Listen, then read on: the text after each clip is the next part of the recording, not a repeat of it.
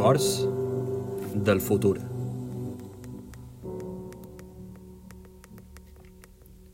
Era setembre de 2019 i pel que fa a mi, havia pres la decisió de marxar a Austràlia. Així doncs, deixava enrere una bonica etapa a Mallorca per endinsar-me a una nova aventura.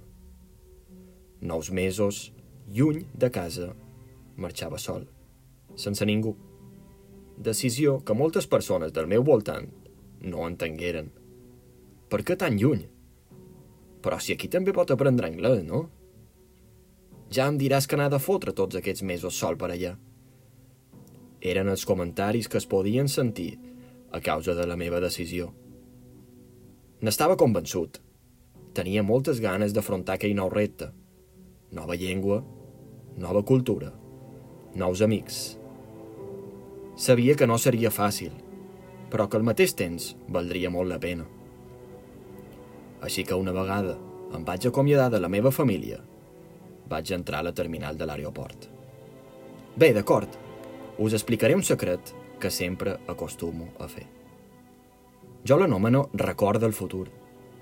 Com bé sabeu, els records són vivències passades que els humans anem arxivant dia a dia.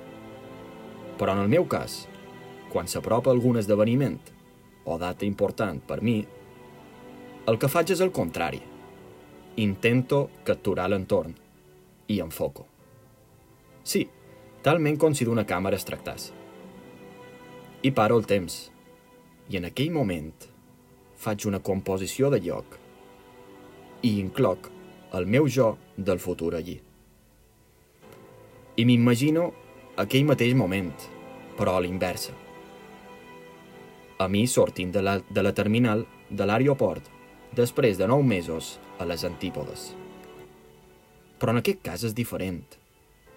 Hi ha una cosa a dins meu que solament m'impulsa a focalitzar-me amb el retrobament a la terminal, amb la meva família, amb abraçades interminables, sentides, sí, d'aquelles que estranyen, i petons, molts petons.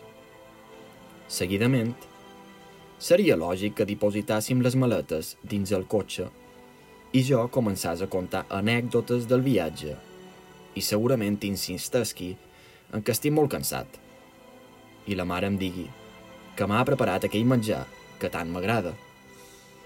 En diria un, però no en tinc cap de preferit, perquè la mare cuina molt bé. I el pare, probablement, faria la típica broma de no et pensis que sempre mengem així, Joan. Aquí m'han tingut a pa i aigua. I entre rialles arribaríem a casa tots contents. Però aquesta vegada el record del futur és diferent. Solament em deixa veure l'abraçada en retrobar-nos. No li dono importància i m'endinso a 29 hores d'avió fins a arribar a Sydney. Serà després que ho entendré. Serà després de nou mesos, però no solament hauré canviat jo. Tot en general haurà canviat. Res tornarà a ser el mateix. La vida en general haurà canviat. I aquelles abraçades, que tant anhelava, no esdevindran mai. Em diuen que el meu país ja no és el que era i que a Mallorca no poden sortir de casa per venir-me a buscar a l'aeroport. Així que em vindran a recollir un taxista. A primer cop d'ull, m'impressiona.